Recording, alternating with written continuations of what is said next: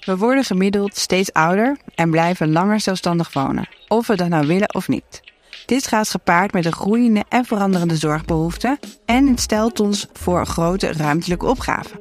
Hoe kunnen we bouwen aan zorgzame, gezonde en helende omgevingen? Deze vraag staat centraal in de podcastrace van drie afleveringen over zorgzame architectuur voor jong en oud. Welkom allemaal, mijn naam is Merel Pitt. Ik ben hoofdredacteur van de Architect en naast mij vandaag zit weer journalist Tracy Metz. Ah, Merel. Fijn dat je er bent. Ah, leuk hier weer te zijn. Goed Ja. onderwerp. Ja? Ja. ja, heel belangrijk. Waarom? Nou, om iets wat eh, een van onze gasten vandaag, Evelien van Veen, mij vertelde. Nu al is ongeveer 20% van de bevolking boven de 60. En in 2040 is dat hoeveel, Evelien? 25 procent. Wauw, nou dat gaat hard hoor. Ja, En met de woningcrisis die we toch al hebben, ik vind het een heel groot en belangrijk onderwerp. we krijgen een te zwaar hoofd als samenleving. Mooi gezegd. Ja, zorgzame architectuur binnen de redactie vonden we het ook een mooi onderwerp. En tegelijkertijd is het ook heel breed. Want je zou eigenlijk kunnen zeggen dat alles wat we maken aan architectuur zorgzaam zou moeten zijn. Maar ja, ehm, want je moet zorgzaam zijn naar de gebruiker. Misschien ook wel naar de bouwer. Hè? Mensen die het moeten maken. eh, naar de aarde. Eh, wij hebben er wel voor gekozen als redactie om het iets in te perken. En het wel echt hebben over die architectuur van zorgzaamheid. Dus over, ehm, als het, we hebben het over medische voorzieningen. We gaan het in deze reeks bijvoorbeeld hebben over ziekenhuizen. En ook ziekenhuisarchitectuur, de ziekenhuisarchitect. Maar we gaan het er ook over hebben, toch in een breder perspectief, van eh, hoe ziet zorgzame architectuur er nou uit? Is dat groen? Kleurrijk? Karaktervol? We gaan het eh, ontdekken. En in deze aflevering gaan we het hebben over ouderhuisvesting. Want ook dat is heel belangrijk, precies waar, wat jij net vertelde. Vergrijzing vraagt nu al veel van onze zorg, terwijl er steeds eh, minder mensen zijn om zorg te verlenen. En dit wordt de komende jaren alleen maar meer. En eh, hoe zou jij nou graag wonen op je oude dag, Tracy? Ik wil heel graag wonen op loopafstand van dingen die ik, die ik wil en die ik nodig heb. Bijvoorbeeld om boodschappen te doen, maar ook om andere mensen om me heen te zien. Ik wil niet in een soort eh, eh, eh, geluidsdicht isolement daar zitten verpieteren. Dat lijkt me echt verschrikkelijk. En liefst ook met mensen van verschillende leeftijden om me heen. Niet alleen maar kwijlende bejaarden, om het zo te zeggen. Ja, terwijl je ook nog wel ziet dat juist die oudere mensen graag met elkaar wonen, eh, omdat ze anders overlast ervaren van die andere groepen. Ja, bejaarden gaan zeiken. Dat is gewoon per definitie waar. En daar moeten wij voor waken nu wij dat weten. Dat wij niet later gaan zeiken. Dus ja, het enige bordje wat in jouw huis hangt is dan niet zeker. Ja, dat is een goed motto. Ik hoop vooral dat ik heel lang mobiel ook blijf. Dat ik van alles Ja, kan doen. ja. En inderdaad, wel in de buurt van lieve mensen wonen, of ze nu jong of oud zijn. Het scheelt ook, jij hebt drie kinderen. Ik heb geen kinderen. Dat Ja. is denk ik ook een heel andere kijk op je oude dag. Maar je hebt wel een beetje, beetje kinderen, toch? Via je man.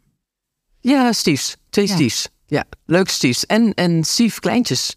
Ja, precies. Dus, nou ja, toch wel een soort... eh, Familie. eh, ja, ja eh, mijn mijn Nederlandse familie. Ben ik heel blij mee. Ja. Ja. Ik ben benieuwd hoe onze gasten willen wonen. Stel jij, eh, ja, stel jij ze voor, Tracy. Ja, ja, de eerste met wie we gaan spreken is Dorte Kirstensen. Dorte is eh, van oorsprong Deense en werkt sinds 1989 bij Atelier Pro. Ze heeft gewerkt aan onder andere het Meandercentrum in Amersfoort, Zorgcentrum Willebroord in Middelburg en woonzorgcel- Woonzorgcentrum Scheldehof in Vlissingen. Haar architectuur kenmerkt zich door gebouwen met een strak en robuust karakter, maar tegelijkertijd een intiem gevoel. Onze andere spreker vandaag is Evelien van Veen. Evelien is sinds kort partner bij Woonwerkarchitecten, samen met twee Vlaamse architecten, Johan de Wachter en Rick de Voogd. Daarvoor was ze 34 jaar eigenaar en directeur van haar eigen bureaus. Woonwerk richt zich op woningbouw voor ouderen, variërend van vitale stadssenioren. Dat zijn wij straks toch, Merel, de vitale stadssenioren? Zeker. Oké, done. Vitale stadssenioren met zorg op maat. Tot de doelgroep met een behoefte aan 24 uur zorg, bijvoorbeeld eh zwaar dementen. Van Veen ontwerpt gebouwen waarbij de bewonergebruiker altijd het middelpunt is. En dat is ook heel belangrijk, gebouwen die bijdragen aan een zorgzame samenleving. Dus niet alleen voor de mensen zelf, maar de samenleving als geheel. En dat is te zien in gebouwen zoals het Wendakkerhof in Heerde voor mensen met dementie en het Knorrenhof en het Ubuntuplein, beide in Zutphen. Klopt. Nou, mooie gasten. Nou, indrukwekkende cv's, eh, dames.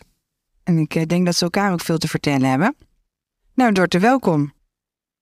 Wij nemen deze podcast op aan de Koninginnegracht in Den Haag. Jij eh, woont hier om de hoek, toch? Ja, ik ben op fiets gekomen. Ja, En ik zit nog dichter bij bureau. Volgens mij vijf minuten lopen. handig. Ja. Woon je hier ook nog over 30 jaar? Ik woon in de binnenstad en daar woon ik ook. Ik heb een mooie tuin, een leuk huis. En ik zal eh, mobiel moeten blijven, want ik heb drie verdiepingen, dus eh, dat moet. Om de tuin is prachtig en ik ga daar niet weg. Anders moet alles naar eh, de begane grond. Ja, en dan verhuren we het bovenverdieping aan iemand anders. Ja, Kan ook. klinkt goed. Vroeger was je oud, als je oud was, ging je gewoon automatisch eigenlijk naar het bejaardentehuis. En hier bewegen we wel wat van weg, hè, noodgedwongen. Om dan is er gewoon zoveel mensen die oud zijn, die zorg nodig hebben. Daar zijn niet genoeg mensen om de steunkousen te doen. En de vraag is ook hoe we het in godsnaam, of in, andersom, hoe onze kinderen dat in godsnaam moeten betalen. Dus hoe we het keren of draaien, eh, we moeten een aantal zaken anders organiseren. En jullie hadden het eerst over kinderen en dat de kinderen een soort hulp is voor als je ouder wordt. Volgens mij moeten we er ook van weg als je ziet mensen van mijn leeftijd die ouders hebben die 20 jaar ouder zijn, die hulp nodig hebben, die bezwijken af en toe onder de mantelzorg. Dat is ook niet de oplossing. We moeten echt, echt serieus gaan nadenken. Ja, aan de andere kant, eh, ik had een moeder die ziek was. En ze vond het wel heel fijn, juist dat haar zus en ik eh, haar behandelden. Hè, het is natuurlijk ook voor heel veel. Eh, ik, ik denk dat er twee kanten zijn. Aan de ene kant is het ook eh, wel goed dat je eh, voor je ouders gaat zorgen. Hè. Zij hebben ook heel lang voor jou gezorgd. Zo staan mijn kinderen er ook nu in. Die zeggen van, mam, als jij later geld nodig hebt of hulp, heel lief, dan staan we voor je klaar. En aan de andere kant is het ook, ik, ik vond het ook fijn dat ik het voor mijn moeder kon doen. Alleen inderdaad, ik had jonge kinderen. En drie, drie avonden daar slapen en s'nachts op, dat trek je niet meer. Maar ik, ik ben uiteindelijk heel blij dat ik mijn moeder tot het eind toe kon helpen. Natuurlijk. Maar daar zit ook evenwicht en balans Ja. in dingen. Klopt. En dat kan niet de enige oplossing zijn. Nee, er zijn misschien straks ook gewoon te weinig mantelzorgers voor de ouderen die er zijn. Maar hoe zie jij dat dan voor je, hoe we zorg en wonen moeten combineren? Ja. Dat is natuurlijk. Als ik het wist, dan was ik minister, denk ik. Nou ja, ik weet het niet hoor. Nee, maar ehm, we zullen. eh, kijk, we, we gaan sowieso hulp krijgen van eh, computers. Van eh, artificial intelligence. Van, En voor robots, hè? van robots. Ehm, dus wat we echt nodig gaan hebben, is misschien het humane. Ehm, de wapen tegen eenzaamheid. Misschien is dat het belangrijkste om te gaan organiseren. En kunnen we veel van die dingen. En we kunnen we misschien elkaar ook helpen met de steunkousen. Zou Ja, ik, ik, eh, ja zoals eh, Tracy al introduceerde. Ik heb voor twee woongroepen heb ik een ontwerp gemaakt. En die zijn bewust bij elkaar gaan wonen om elkaar te gaan helpen. En ik denk dat het ook goed is dat wij dat ook weer leren. Dat we meer eh, ons moeten bekommeren om de omgeving. Hè? En, en dat dat nu weer aan de orde is. En dat er een soort zelfverantwoordelijkheid ook is in je nadenken over je toekomst, dat dat ook een hele goede zaak is. Dat hè, het, het, waar we vandaan komen, die, die zorgzame maatschappij, dat alles voor je klaar stond. Dat je ja, eh, min of meer weggezet werd, ook in bejaardentehuizen. Dat was natuurlijk ook het. Hè, Pacificeert ook, hè? ja, maar ik denk het, het goede is dat hè, die vermaatschappeling van de zorg, zorg, dat dat gewoon een hele goede zaak is. En dat, dat, eh, ja, dat je toch ook weer die zelfredzaamheid en Ja, dus Zelf- eigen regie in eigen regie, ik denk dat, dat, we, dat we dat ook kwijt zijn geraakt. Dat, En er komen uit, uh, ja, na de oorlog is er te veel ook uh, ons uit handen genomen. En, en, je krijgt nu ook veel meer ouderen die uh, ook niet meer willen dat ze betutteld worden. En dat, dat ze die eigen regie weer mogen terugpakken. We, zijn veel, we gaan veel mondiger worden. We waren ook gewend geraakt dat de overheid alles voor ons deed. Ja. En dat kan niet meer. En dat is wat jij zegt, Dorte, dat is gewoon niet meer houdbaar. Nee. nee. Maar hoe ontwerp je dan voor deze doelgroep? Um, hoe ontwerp je voor die, al die verschillende ouderen? Ja, ouderen zijn net mensen. Dus ik denk, ik denk dat we met name die, diversiteit moeten proberen vol te houden. Dus de, de, de wat jij gedaan hebt, Evelien, is hartstikke leuk.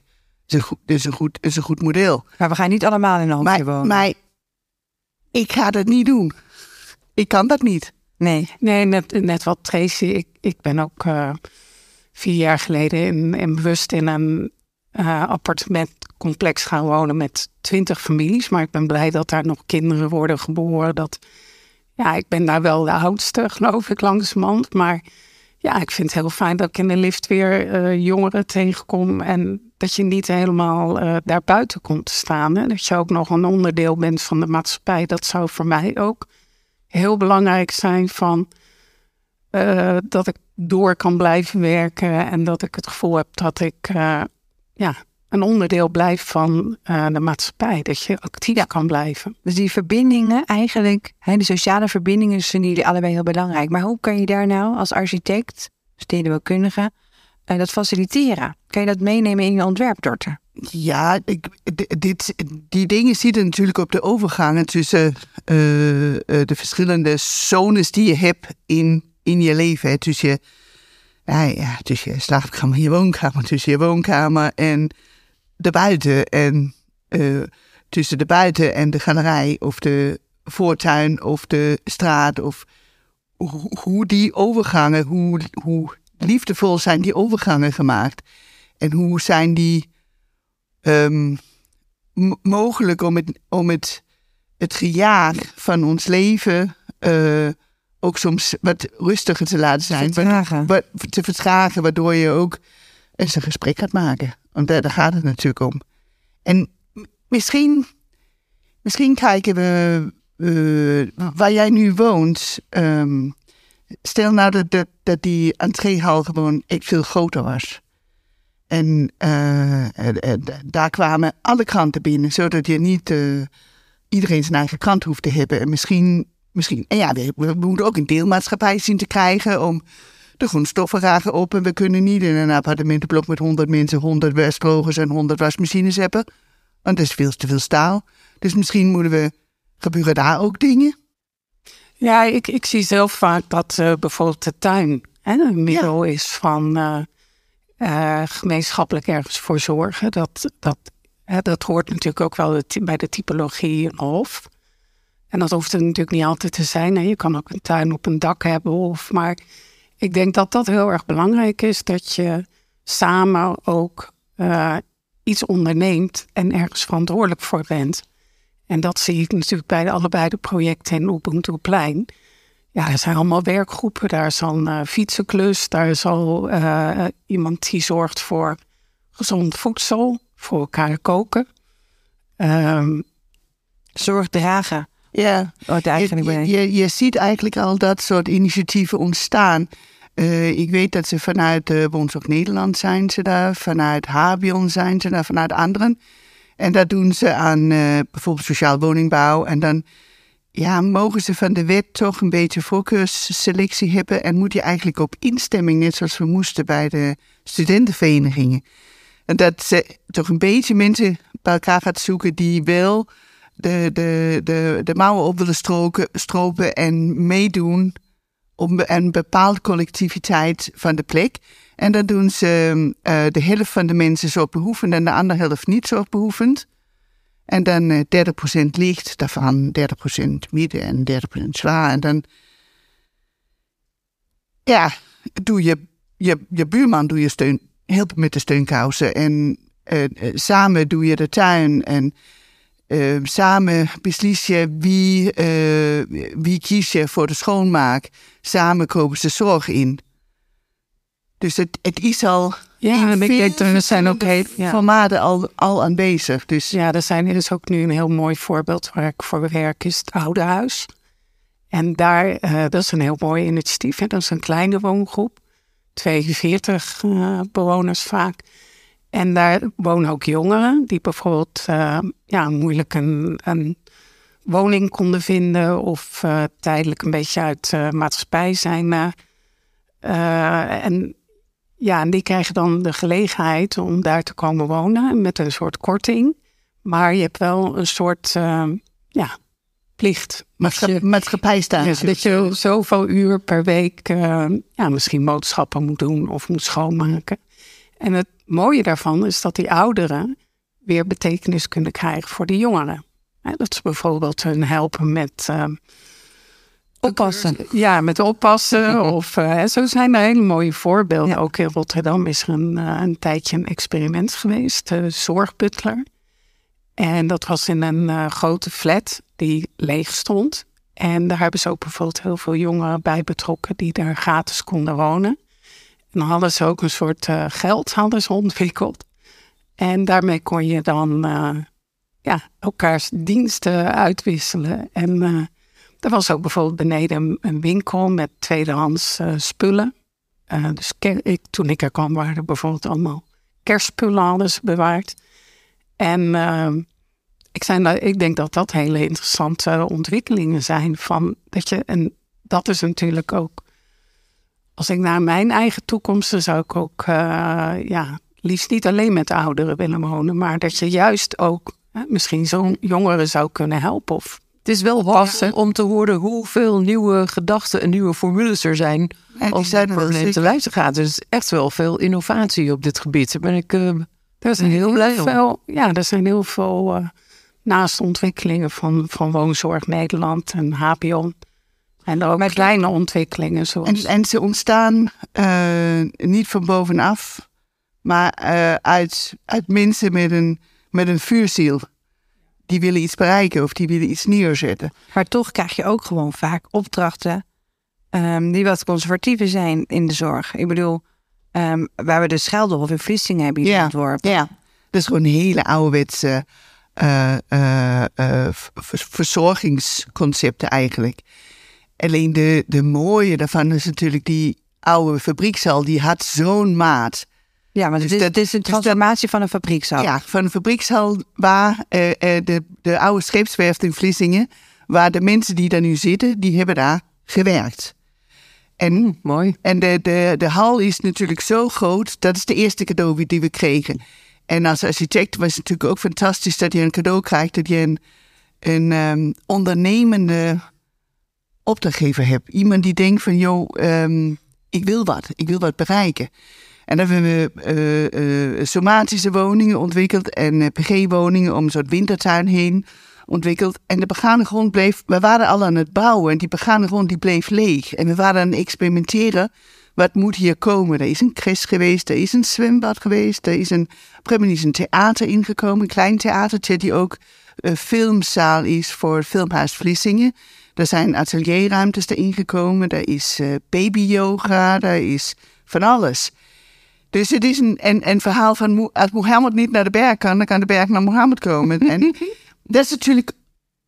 Dan, kun- dan kun je wel enigszins ehm, klassieke vormen blijven bouwen, omdat het niet alleen voor oude mensen is, maar dat het ook ehm, iets bijdraagt aan de omgeving.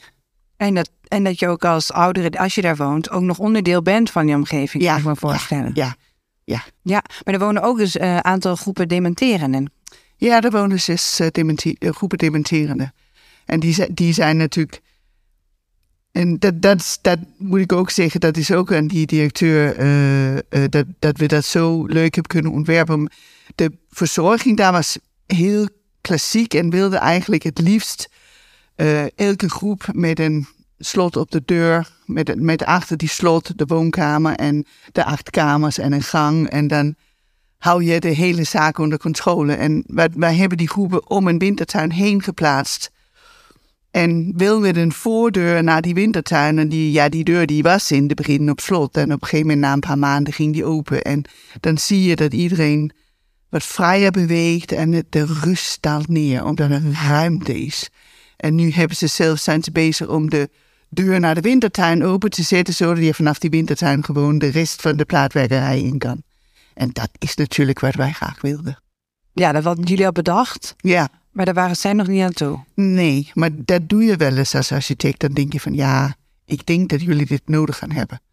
Dus dan ga je er stiekem toch in plaatsen en dan ontdekken ze dat ineens. En denken ze, goh, we hebben iets heel nieuws bedacht. Maar hoe krijg je dat voor elkaar? In de zorg zijn de budgetten niet enorm natuurlijk. Je maakt iets wat niet direct gevraagd is.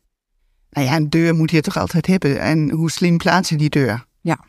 Ja, en eh, ik had bijvoorbeeld een hele vooruitstrevende directeur eh, in, eh, in Heerde.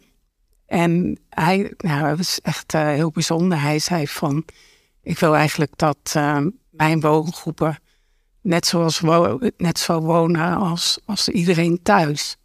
En daar hebben we bijvoorbeeld eh, twaalf woonkamers op de begane grond eh, ontworpen. En op de bovenste verdieping het, het slapen. En het mooie daarvan is, omdat het in een hof is en de deuren zijn daar niet op slot, ehm, is iedereen de hele dag buiten. En dit waren boeren die ook gewend zijn om de hele dag buiten te zijn. Zijn natuurlijk de laatste dingen wat zij Ja. verliezen, is die... Is die vrijheid. vroeger. Ja, en het mooie is, wat, wat ik er nu van heb gehoord, is dat, wat jij ook zegt, hè, van de rust. Er is enorm als je daar nu komt.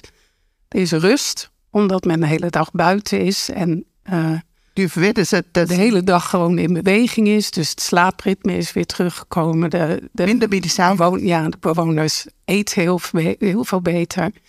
En ik heb ook al gehoord dat er dus nu een derde eh, minder medicijnen gebruikt. Ja. En dat, levert toch ook, eigenlijk- en dat levert weer heel veel geld op. Ja, maar dat zouden ze toch eigenlijk hard moeten maken, zodat je dat gewoon in de volgende keren als architect mee kan nemen. Ja, maar En dat denk- geld in het gebouw stoppen. Maar, Ja. maar het begint natuurlijk mee, wij, wij kunnen als architect super vooruitstrevend zijn, hè. Maar als we, eh, je moet, je kunt het niet afdwingen over mensen heen. Je kunt het aanbieden, je kunt je ervaring aanbieden. Maar als ze er niet klaar voor zijn, dan moet je wel iets maken waar ze klaar voor zijn. En dan moet je het zo maken, op die directeur waar in Schilder Ja, was er klaar ja. voor, maar de zorgmedewerkers niet. Ja, Dus maar die hebben- worden helemaal daar in Heerde helemaal opnieuw opgeleid. Ja, precies, dat heel goed is daar eh, naast eh, eh, ja, het gebouw hebben ze ook gewoon helemaal leren ze ook het personeel eh, bijvoorbeeld ook niet in te grijpen. hè. Dat als iemand niet eet, dan eet hij niet. In En plaats van dwang. ja, en als hij met zijn handen wil eten, dan, en als hij 's morgens om zeven uur wil ontbijten, er staat daar bijvoorbeeld altijd van zeven tot twaalf staat daar de ontbijt gewoon op tafel. En het wordt niet weggehaald. En als iemand zijn eigen bordje wil inruimen, dan kan hij dat ook nog doen. Ik heb daar bijvoorbeeld een weekend geslapen. En ik was echt verbaasd over, en dat vertelde ze ook, dat ook iedereen in zo'n groep ook zijn eigen ritme krijgt. Hè? Dat je een soort, weer opnieuw een soort familie wordt. En dat iedereen heel rustig ook naast elkaar gaat leven. En ik was daar wel onder de indruk dat als je bij een wat meer conservatieve zorginstellingen komt, daar is veel meer onrust. En ehm, Door de regels. ja, Ja. door de regels. Omdat je heel vaak tegen iemand zijn eigen leefritme in zit. Als jij gewend bent altijd om vijf uur op te staan, omdat je dan de eh, koeien moest melken, dan, ja, dan kan je niet meer iemand eh, zeggen van om vijf uur eh, mag je niet opstaan. Maar, maar dat staan opsluiten. Ik bedoel, dit oergevoel als kind is de angst om opgesloten te worden. Of de angst om niet weg te kunnen. Of, ja, en dat en, is en, dat, je, en dat doen we dan wel aan dementerende mensen. Dat is natuurlijk Ja. niet in orde. en juist dementeren, die voelen dat. Hè, want je gaat eigenlijk helemaal op je zintuigen Ja. leven. En als je dan daarin eh bekneld wordt, dan, en dan krijgen ze, ja, dan neemt de angst toe en, en Agressie. agressie. En dat is juist eh, bij dementie eh, is het heel belangrijk. Zij zijn veel gevoeliger voor de omgeving, voor geluid. En ervaren nog meer dat als ze iets niet mogen, dan uh, ervaren ze dat nog meer. En kunnen er niet op ageren, zoals wij gewend zijn. Nee, zij kunnen niet nadenken wat hun situatie is. Nee. Ze, ja, ze leven puur op hun zintuigen. Maar ik begrijp wel dat je op een gegeven moment voor demente bejaarden ergens moet er een deur op slot. Want ze lopen gewoon de straat op en verdwalen. Nou, allemaal dat probleem. Daar zijn chips voor, hè? in Ja. schoenen. Maar er zijn ook maar, er zijn ook maar een paar die echte struiners zijn. Hè? Het is ook een verhaal dat iedereen overal wegloopt. Maar geef ze rust, geef ze een betekenisvolle omgeving. En dan is er misschien één of twee die struiner zijn. En die geef je een tip. En die loopt langs de balie. En de meneer die daar zit, die loopt achter die mevrouw. Mevrouw Jansen, zullen u niet even dit en dat? En die krijg je heel liefdevol uit de idee van dat die die moet lopen. Die loopt die gewoon schoon, die aan de kant. Nee, maar ik denk ook dat vluchtgedrag dat komt doordat je angst hebt. En ik denk Ja. als die, eh, ja, als je een rustige omgeving creëert waar ze zich thuis voelen, dan, ja, dan lopen ze ook minder eerder weg. Het lijkt me ook Dus lastig dat- dat, je al ja. deze kennis hebt en dat je dan soms op een opdrachtgever stuit, eh, die dan toch een ehm, ja, redelijk conservatief model neer wil Nou, zetten. voor, voor, ik weet niet voor jou is, maar wij krijgen de meeste van onze opdrachten via pitches. Ja. En daar wordt je toch ook een beetje op uitgezocht van hoe je in het leven staat. En ja, wij worden niet gekozen door iemand die iets heel conservatiefs wil. Precies. Nee, die, die selecties zijn ook heel zwaar. Hè? Ik bedoel, eh, voor eh, met name in de zorg hè, willen ze altijd weten van wat is je ervaring, eh, wat, wat is jouw visie. En het is heel belangrijk dat je dezelfde visie hebt als je, als je opdrachtgever. Zet- Dat sluit gewoon heel nauw aan. Hoe kom En naam dan Daar ervoor. ben ik niet helemaal mee eens. Om, ik ben benieuwd. Nou, om ik denk, ehm, wij zijn verbeelders. Dus wat, wat, wat heel moeilijk is, wat, wat ik niet kan, ik kan niet een gebouw maken voor iemand die een visie heeft waar ik pertinent tegen ben. Maar ik vind het ontzettend spannend om voor iemand een gebouw te maken die anders in het leven staat of die een andere visie heeft. En, en, en daarmee mijn kinderen hebben nooit op een vrije school gezeten, omdat ik daar niet zo veel mee heb. Maar ik heb al twee eh, eh, vrije scholen ontworpen, omdat ik het gewoon een fantastische reis vind. Om, dat zijn hele begane mensen met een visie die niet de mijne is, maar ik kan uitstekend voor ze eh, ontwerpen. Ja, maar ik, Dat is- ik vind het wel belangrijk dat je toch een, een goede binding of dat je je laat inspireren hè, door je opdrachtgever. Ja. En ik vind ook nog steeds, eh, ik leer ook nog steeds heel erg van eh, de medewerkers. Ik bedoel, ik kan dan, ik, ja, het is nog, eh, het is ook zo lastig om waar zij dagelijks mee te maken hebben, om dat als architect in zo'n korte tijd te leren. Dus het is wel heel erg belangrijk dat je, ja, ik vind echt het contact met mijn opdrachtgever en dat hij mij inspireert of. eh, Volgens mij is maar daar bij word, je wel, hetzelfde. daar word je ook wel op geselecteerd. Hè? Volgens mij Ja. zitten wij allebei. Hoe kom je ertussen, Evelien, als eh, een relatief eh, jong bureau als woonwerk? Hoe kom je ertussen als je niet al op een hele ervaring kunt bogen in de Het is zorgarchitectuur? heel lastig. Ja. Ja, ik denk dat dat heel lastig is om daarin in te komen. Dat- en dat zie je ook in Nederland. Ik bedoel, er zijn een beperkt aantal bureaus eh, betrokken eh, bij projecten in de zorg.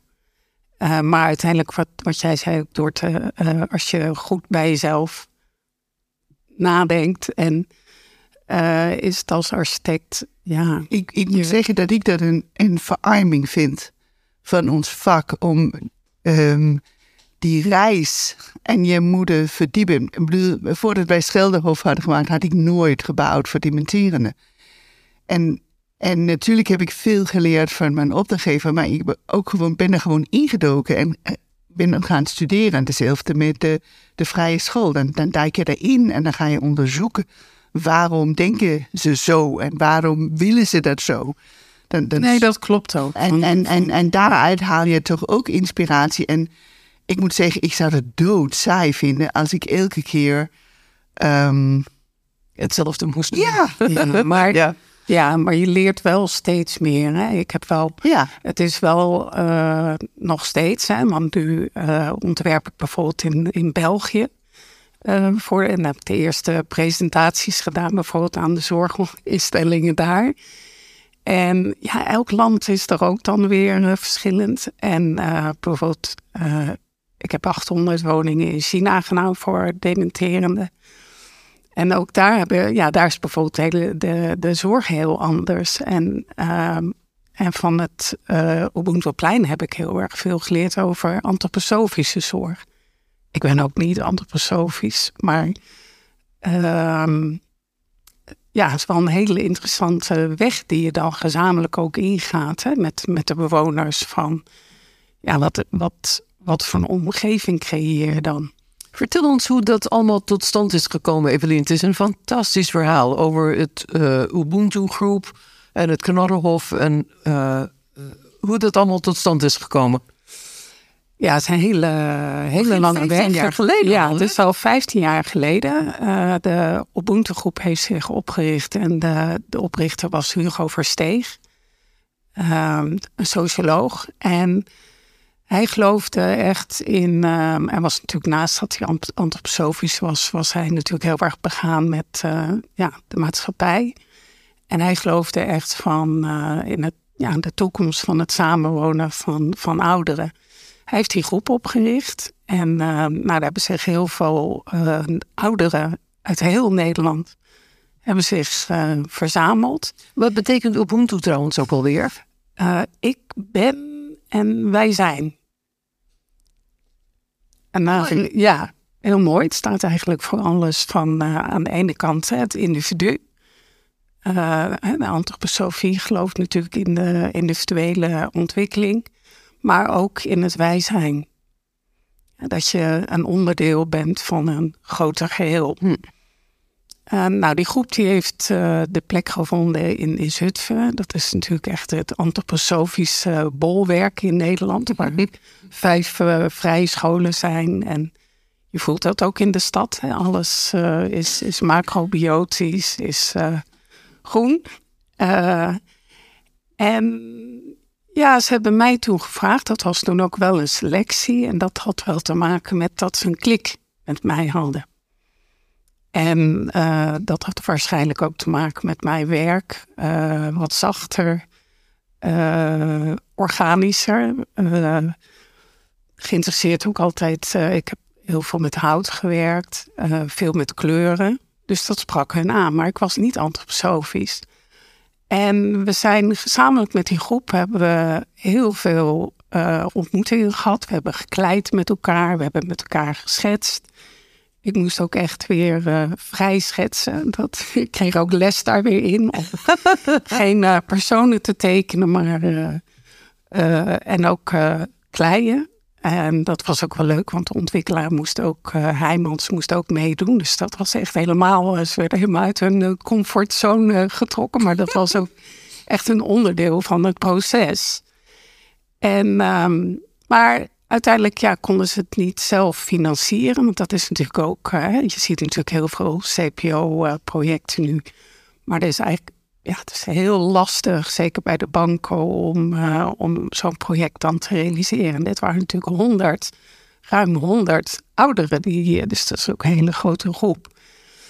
Nou, na heel lang heeft, uh, is, is de groep eigenlijk zich opgesplitst. Een deel is naar het Knauwhof gegaan en het andere deel is, zit nu in Ubuntuplein en dat wordt afgenomen door Havion. Dus uiteindelijk hebben ze verschillende financieringsmodellen uh, gevonden. En staan ze naast elkaar. Ze staan naast ja. elkaar. Uh, wel op de locatie die ook daar altijd voor bedoeld is. En, uh, en wat vinden ze van elkaar? Van het resultaat? Ja, dat is echt fantastisch. Uh, ik liep daar laatst liep ik daar rond. En zij wisten niet dat ik de architect was. Dus ik kwam uh, een groep dames tegen. En die zeiden van, ja, kijk mooi naar ons nieuwe gebouw. En ja, dat andere gebouw van het Knauwhof, dat is helemaal niks. en toen voor ik aan de, was het openingsfeest van een knarhof. En toen had iedereen het over van, ja, wat er nu gebouwd wordt bij het Ubuntuplein. Dat is helemaal niks. Dus het grappige is dat, uh, en dat is ook wel weer het mooie, omdat het natuurlijk ook allebei samen met die ouderen ontwikkeld is, hebben ze ook echt hun eigen plek veroverd. Dus het proces er ook naartoe, het samen ontwerpen, dat heeft ook wel, uh, ja, zo heeft ieder echt een hele sterke binding met zijn eigen ja, je zal ook maar, je zal ook achteraf maar balen dat je denkt, oh, had ik liever daar gewoond. Ja, maar dat hebben ze nee. Even, dat kan je ook niet meer toegeven natuurlijk. Nee, nee, nee. nee. en hoe, vertel over hoe verschillende oplossingen zijn in Ubuntuplein en in uh, het Knarrenhof. Ja, het Knarrenhof is natuurlijk echt wel, uh, daar wonen alleen maar ouderen. En dat is een, een iets geslotere oplossing dan uh, het Ubuntuplein dat, dat, ja, dat, dat hoor je al aan de namen, Hofje en Plein. Ja, ja. Uh, het Ubuntu-plein staat iets meer open in de wijk. Uh, we hebben een, een, hele grote tuin. Die ook waar... Ziet ook, daar zie je ook verschillende leeftijden, toch? Ja, daar zitten ja. meer... En, en dat vond ik ook wel leuk van het Ubuntu-plein. Uh, daar mochten ook jongeren zich inschrijven. Veel waren dat jongere gezinnen die al actief waren in de, in de zorg. En uh, ja, het Ubuntu-plein staat ook meer voor het samenwonen. En uh, het Knarrenhof staat meer ouderen in een hof. En dat, dat is het grote verschil. Ubuntu-plein is ook veel groter, hè? Twee keer zoveel woningen, ja. geloof ik. Ja. Of ruim twee keer zoveel. Ja, dat had wel met het, uh, het te maken, maar ook wel met het concept. En Ubuntu wordt natuurlijk ook door een woningcoöperatie uh, beheerd straks. Uh, onder andere zijn wel ook de bewoners ook straks wel verantwoordelijk voor de tuin. Uh, voor de gemeenschappelijke ruimtes. Hè. Ze hebben, zijn ook verantwoordelijk voor de verhuur van vierkante meters. Dus dat wordt ook nog heel interessant van hoe gaat straks die, die groepsdynamiek werken. Van, want dat merk je ook al van uh, de laatste keer dat ik daar was, dat er ook al uh, opsplitsingen waren in de groepen. en natuurlijk van omdat ze de tuin zelf moeten beheren. Je ziet hier enorme parallellen met, um, met de brede scholen. En die zijn in, uh, we hebben volgens mij onze eerste brede school in 96 ontworpen. Dat was een van de eerste van Nederland. En daarna hebben we vele gebouwd. En ik moet eigenlijk uh, zeggen dat ik tot de conclusie gekomen ben dat een brede school of een multifunctionele accommodatie verschrikkelijke MFA, verschrikkelijke afkorting, maar dat die eigenlijk alleen maar gaat functioneren als er echt een kwartiermeester is. Iemand die bezig is met de sociale programmering. Uh, de peertjes verwisselen natuurlijk ook zorgen dat toiletpapier ingekookt wordt en zo, maar ook bezig is met hoe, hoe hoe amtemeer je dingen? Hoe, hoe, hoe, hoe, hoe stuur je dingen? Gewoon de communicatie dat... van al die verschillende... Ja. Maar dat is ook het verschil hè? bij uh, het Ubuntu Plein. Is straks ook een, uh, ja, ook een, een, een manager. Hè? Dus iemand ja. die uh, alles gaat door. Dus. Een kwartiermeester, ja. een, een butler die dat wel ook gaat organiseren. Dat is ook ja, echt heel goed van Habion. Dat, en dat, en dat is een van de dingen van Habion. Fabian heeft andere concepten en dat doen ze altijd. En dat zie je ook bijvoorbeeld. Ik had laatst had ik een gesprek met uh, die directeur van uh, Woensdag Nederland en die zegt dat ook. Ik, ik die zijn essentieel. Ja, de, ja. de, personen die daar uh, ja, die het verbinden. En dat, ja. dat heb ik ook geleerd van inderdaad van dat hele grote project, dat tijdelijke project in, in Rotterdam um, ja, die persoon, uh, meneer Jansen. Ja, dat, dat, hij, hij, maakt het, ja, hij maakt het succes. Hij verbond ook iedereen aan elkaar. En als hij zag, zag van, nou, die, die jongeren, die, uh, die kunnen we daarvoor inzetten. Dan koppelde hij dat weer aan een, aan een oudere die dat weer nodig had. En, uh, en dat zie je ook inderdaad bij Woonzorg Nederland. Uiteindelijk die, die personen die um, ja, dat aan elkaar gaat verbinden, dat is eigenlijk de key. Dat is de olie. Ja, en Dorte, jij bent volgens mij ook voorstander van om aan die, uh, multifunctionele accommodatie of brede school, wat je ook maar wilt zeggen, ook oudere woningen te koppelen, of niet? Ja, ik, ik vind het eigenlijk een, een, een zonde dat het zo weinig gebeurt. Om, Wat een goed idee. om, daar, zie je de functionaliteiten in die, in die gebouwen, waar je, die krijg je gratis bij. Die kun je s'avonds ook gebruiken. En we hebben, ik heb er eentje gemaakt in Sas van Gent. Daar zitten 24 uh, zorgappartementen met een zusterpost in een gebouw. En dan moet je even met die rollator de straat oversteken. En dan kom je in een multifunctionele accommodatie met twee piepkleine schooltjes, een kinderopvang, een bibliotheek, een sporthal.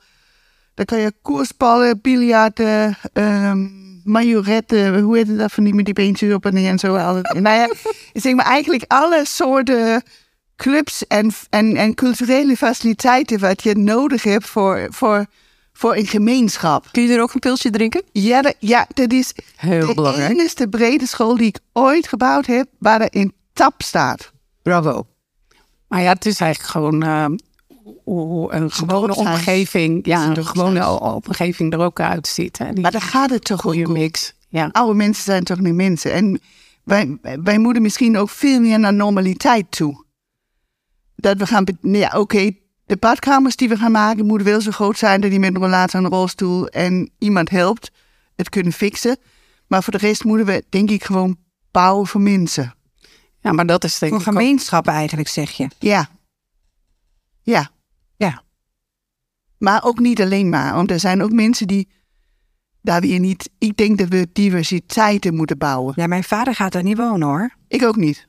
Ik denk uiteindelijk dat eh, de, de hele omgeving ertoe doet. Hè. Dat, Ja. ook, eh, eh, dat je uitgenodigd wordt om een keer ja, om je deur uit te gaan en ergens te gaan wandelen. Dus Ja. het, is, het, is, het gaat ook verder dan het gebouw. Hè.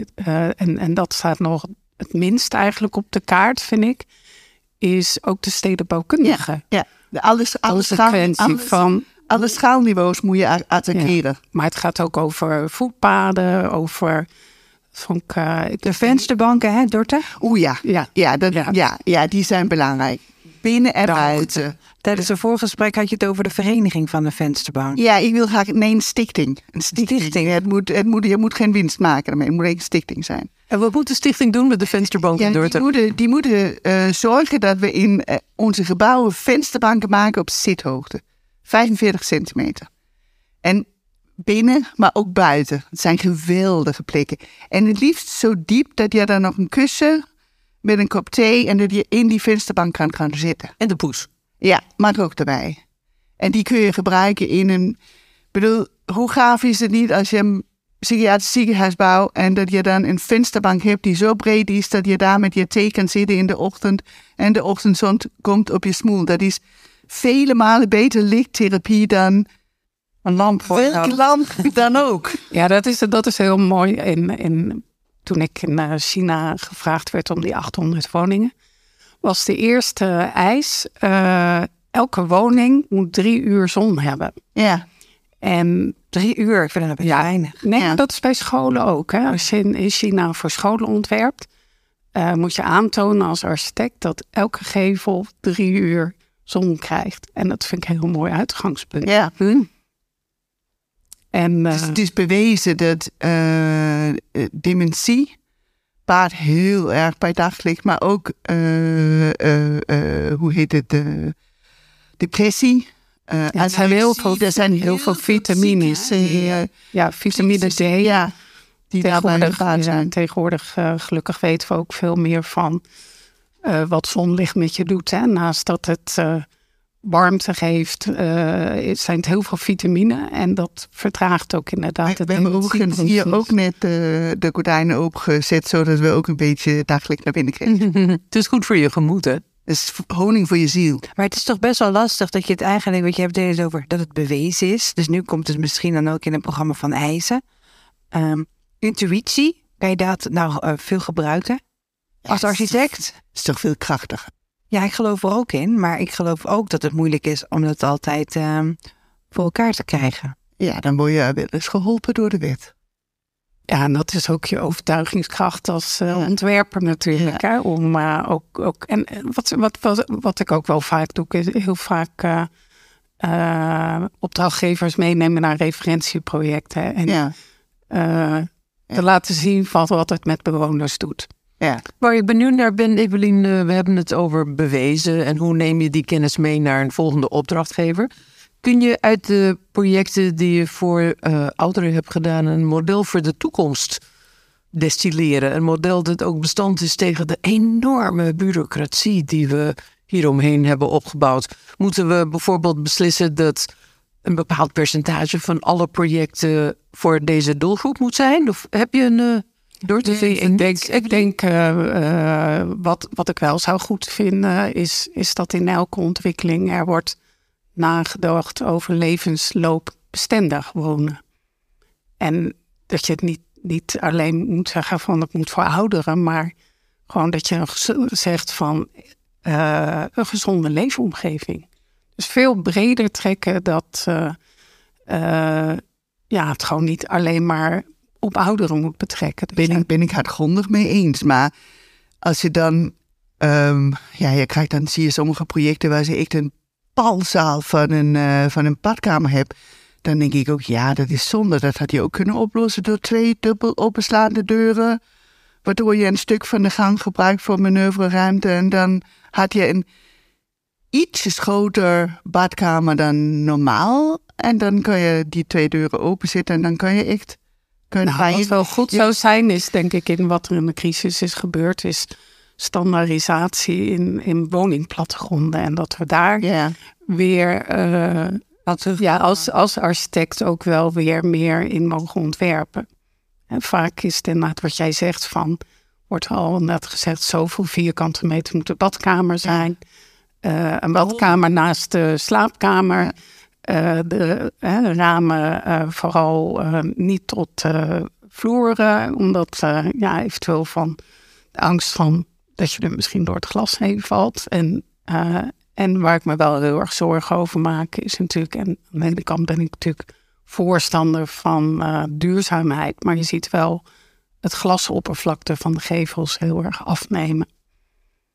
En, en de betekenis inderdaad van, van daglicht en zonlicht, uh, ja, die vind ik net zo waardevol als de energetische kwaliteit van. Je kun je, je kun je ook wel eens afvragen hoe pennywise pound foolish dit is.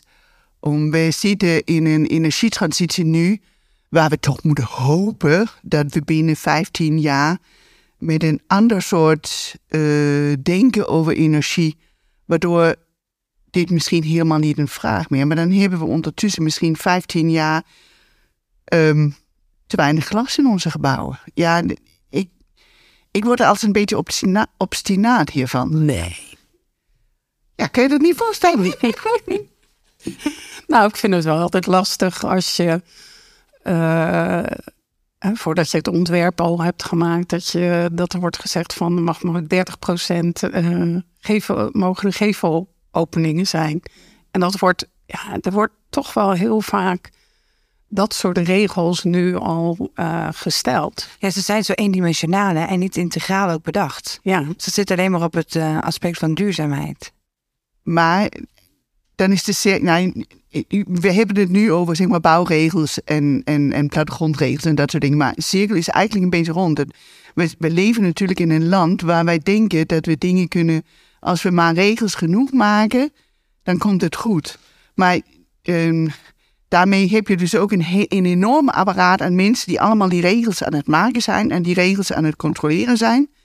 Kijk, we begonnen mee dat, uh, dat, we, dat de zorg een hartinfarct krijgt over 10, 15 jaar. Dan moeten we misschien ook naartoe dat, dat er niet zoveel overheid, overheid zit op zorg. Dat het veel leaner en meaner wordt. Dat het veel dichterbij mensen komen, dat er veel meer eigen regie, veel meer kleinere. Maar weet je wat het is? Je kunt natuurlijk heel triest worden over al die problemen wat we, wat we hebben. Maar die problemen is ook een gigantische kans. Ja, nou, dat lijkt me inderdaad ook een goede afsluiten van deze aflevering. Dat we wel denken aan die kansen die er zijn. En dan al die innovatieve formules waar we het straks over hadden. Dat er zoveel vernieuwing is. Daar word ik heel eh, hoopvol Ja, van. dat is ook heel positief hoeveel eh, mensen erop staan om eh, hierin in te stappen. Nou ben ik nog Dat- even benieuwd voordat we zo afronden. Want ik weet, jullie kunnen nog uren doorpraten. Ik zie het. Aan. En zo wel. Ik We gaan, ja. zo, we gaan zo even koffie. Ja. Alle problemen oplossen. Nou, Evelien, waar ga jij nou wonen? Jij maakt zoveel verschillende woonconcepten. Wat vind jij? Wat spreekt jou nou aan? In China. Ehm, nee, niet in China. Nee, die, eh, wat, wat China nu aan het doen is iets wat wij 40 jaar geleden aan het doen zijn. Dat is echt allemaal zo grootschalig. Ehm, ik ga zelf weer ergens anders wonen. Ik heb echt gekozen nu ehm, om weer ergens te gaan wonen. eh, iets groter met, met 80 mensen samen. En eh, van, een, ja, van jong tot oud.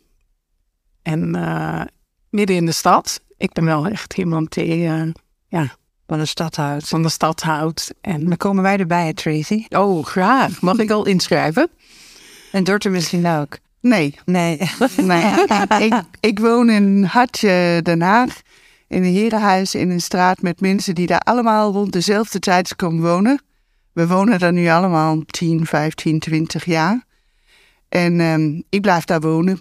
Drie verdiepingen, dus dat gaat me echt heel lang fit houden. Om de slaapkamer is op bovenste verdieping. En als het echt niet meer gaat, dan verhuur ik de bovenste verdieping. Gaan we op beneden wonen. Blijf mijn tuin houden. En op de laatste straatbal hebben we afgesproken dat we twee parkeerplekken in gaan ruilen voor een piepelwagen. En daar komt de zuster te wonen. Nou, Als we, als we allemaal zo oud worden. Maar, ja, dat wordt, eh, maar je weet wel dat dat ook een groot probleem is. Hè? Al die ouderen die in veel te grote Ja, maar ik wonen. bovenste. Dus ik, ik ga dan eh, ik ga beneden wonen bij mijn tuin. En dan mag, mag, mag de woonkamer en, eh, en de grote zolder mag iemand anders met alle plezier wonen. Maar zo, eh, en, en daar is bijvoorbeeld, heb ik gehoord, in Denemarken zijn ze al twintig jaar bezig om echt ook wel ouderen te, eh, ja, uit te, uit huizen te krijgen. En dat, dat je, ja, dat, dat we plaats maken ook weer voor. Dat, heb, ik, zo. dat heb ik gedaan. Ik heb wel echt. Maar in Veel mensen willen dat, maar in Nederland kunnen ze nergens anders naartoe. Nou, ze willen graag in de buurt van waar ze woonden en dan Ja. blijven wonen. maar dat is niet een financieel probleem. Hè? Kijk, eh, ehm, We moeten echt zo afronden, Dorte. sorry. We gaan het afronden. Ik vind het wel allemaal hartstikke leuk. Volgende keer gaan we het over de financiële problemen hebben. Goed idee.